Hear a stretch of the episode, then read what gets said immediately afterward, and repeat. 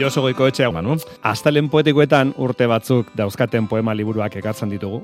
Egileak, eh, poetak batzutan ezaguna dira, besteetan ba, ez horren ezagunak, baina beti olerki on eta entzungarriak ekartzeko asmoz egiten dugu tarte hau. Baina gaur, izena handi bat ekarri duzu. Gaur dudarik gabe, izen handi bat, ez da aresti, ez da mirande, Mhm. ez da hartze, Mhm. ez da gandiaga, ez da lete, gaur ekarri duena da Amaia Lasa Alegria. Amaia Lasa Alegria. Euskal poesiara emakume ahots berri urratu eta bizia ekarri zuen poeta, iruroge iruro eta marrekoa markadan. Eta ekarri dut maiatz argitaletxerekin argitaratutako itxasoko izaki izeneko liburua. Itxasoko izaki bera getariarra da, eta bueno, Mhm. harreman handia du itxasoarekin, Itsasoarekin. urarekin. Bai. Bueno, momentuz poetaren azken lana dugu hau. Liburu ederra da, eskuetan ere gustagarria, paperagatik, paper lakar moduko bat daukat, ez dakit zuri gustatzen zaitzun liburuak esku artean Ukitzea, izatea. izugarri, Ez da, izugarri. eta batzutan usain ere bai. Bai. Eh, bueno, hau pixka bat maiztu dut, liburu hau, Mm. eta ba, gustora, gustora, edizioa ere, bueno, e- esan behar da, edizioan pixka bat zaindu behartzela izan dela testu aldetik, ze, bueno, akatsen bat edo badago, baina bestela, bueno, e, da poema zoragarriak ditu, ondo irakurtzen den liburu bat, e, itzaurre bat ere badauka, Jose Luis Padronena, oso Mhm. ederra, eta irudiak, Lourdes Muñoz, ota egiren e, irudiak dauzka liburu honek. Beraz, oso liburu polita eta gustagarria. Itxasoko izaki, Amaia Lasarena. Eh, bueno, hori, eh, liburu ederra, gaur egun bizi dugun eh, gaztetasunaren aldarri honetan, aldarri orokortu honetan, eta basarritan gidari zaharrek auspotutakoa. Hau da, adinean gora doan emakume baten proklamazio ederra. Nitasunaren eta aldi berean aizpatasunaren taldearen aldekoa. Mhm. Bueno, Amaia Lasak ondo ezagutzen du tropikoa.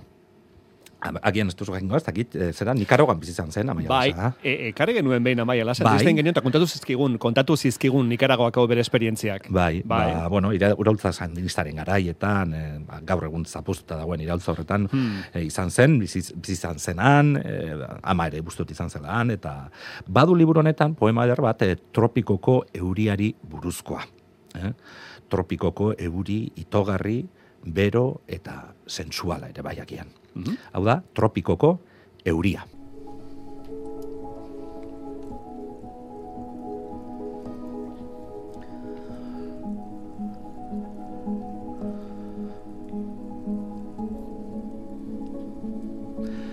Tropikoko euria, amaierarik gabeko ura, beroa bezala, kiskaltzeraino beroa, itotzeraino euria. Ez dago erdibiderik, maitasunak ez du eragozpenik, sufrimentuak ez du gupidarik. Infinitu kolore du bere txorien lumak, infinitu gorri bere eguzkiak, eta ilargiak gezurra dirudi. Loren nektar gorrian asetzen dira bihotzak, amodioak estitazunez betetzen tropikoan bizitzari harria dario, bihotzari, su beroa. Ez dago atxedenik. Euria ari du tropikoan, urak ez du amaierarik, txoriak kantari, koloreak dizdiraz, etengabe diardu, euri beroak, grinaz beterik.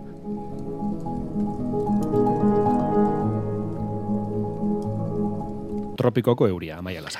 Bai, bueno, Lazaren eh, poetikaren erdigunean, helen esan dut, emakumea dago, gizonaren ustarritik libre nahi duen eh, emakumea. Hau da, gizonaren amets okerra, gogoan izan, Adan eta Eba, nola jainkoak sortu zuen Eba, sortu omen zuen Eba, eh, gizonaren saietxetik. Ah, bai, egia. Bueno, olako aipamen bat dauka poema honek. Hau da, gizonaren amets okerra.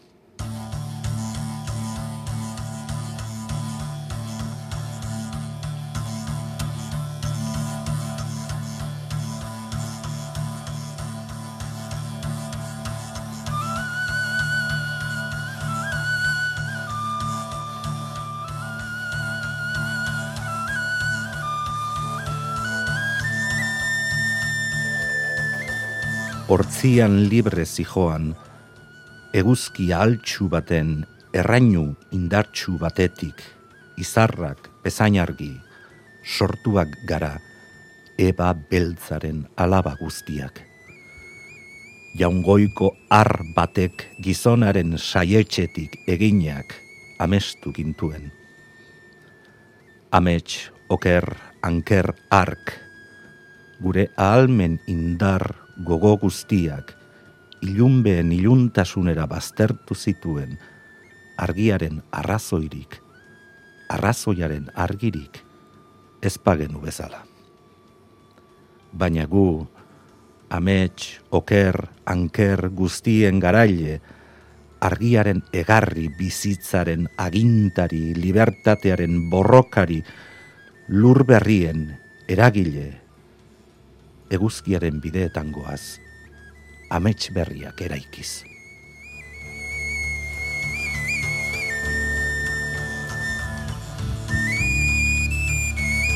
Emakumeak amets berriak erekin nahian. Bai, hortan da biltza, ezta? Bai, bai. Bueno, damaitzeko, aizpatasunetik poetaren ni indartsu horretara igaroko gara. Mm. E, amaia lasak, poeta on guztiek bezala, ez du lotxarik, bere burua biluz eta handi, beste batzutan txiki, erakusteko.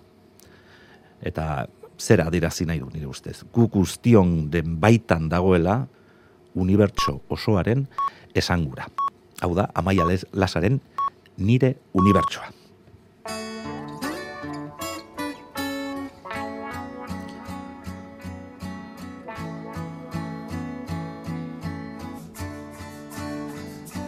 Ene baitan, etengabe birjaiotzen behin eta berriro edatzen den unibertso bat bizi da. Arrazoiak agintzen ez duen kosmos, aberats, oparo, naro, samin honetan, eguzki mingotxak, kometa jeloskorrak, ilargi arroak, Saturno samurrak, lurrotzak, beroak batzuetan, bir sortzen dira. Barruan, gelditu ezinik dabilkidan unibertso irekia, zabala, amaigabe azten aldatzen da, sentipen guztien indarpean. Arimaren amildegi sakonetan, iraindua, bortxatua, zanpatua, gorrotatua, garaitua naizela sentitzen dudanean, nire unibertsoa geldi ezinezko abiretan murgildurik, ausardiaz betetako galaxietan lehertzen da, zulo beltzetatik argiz beteta ateratzen naiz. Barnealdeko ontzi grinatxuetan gorrotoak, planeta eroak, maitasunak, izar euritsuak, euri eroa, bizitzaren zu. Martitz gorriak, bortizki diardu nire barruko zeruetan. Lastan minak darien zauri zuri odoltsuetatik jaiotzen diren artizarrugari, orbita berriak asmatzen oskorri distiratsuetan.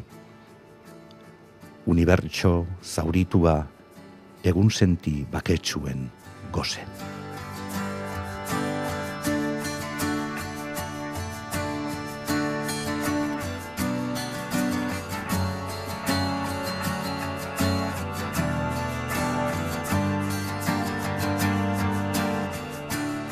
Ba, Amaia Lasaren unibersoarekin amaitu dugu Josu. Bai, Amaia Lasa alegria, eh? Gogoan eduki beharreko izen propioa. Euskal poeta poesi- referente bat, bai, da. gure poesian, eta, bueno, hau izan da, berazken eh, poema liburua, momentuz, eh, 2000 amarrean argitaratu zuena, maiatza argitaletxearekin. Gehiagoren zaigeratuko gara. Josu, aste hona izan, Berdin. besarkada bat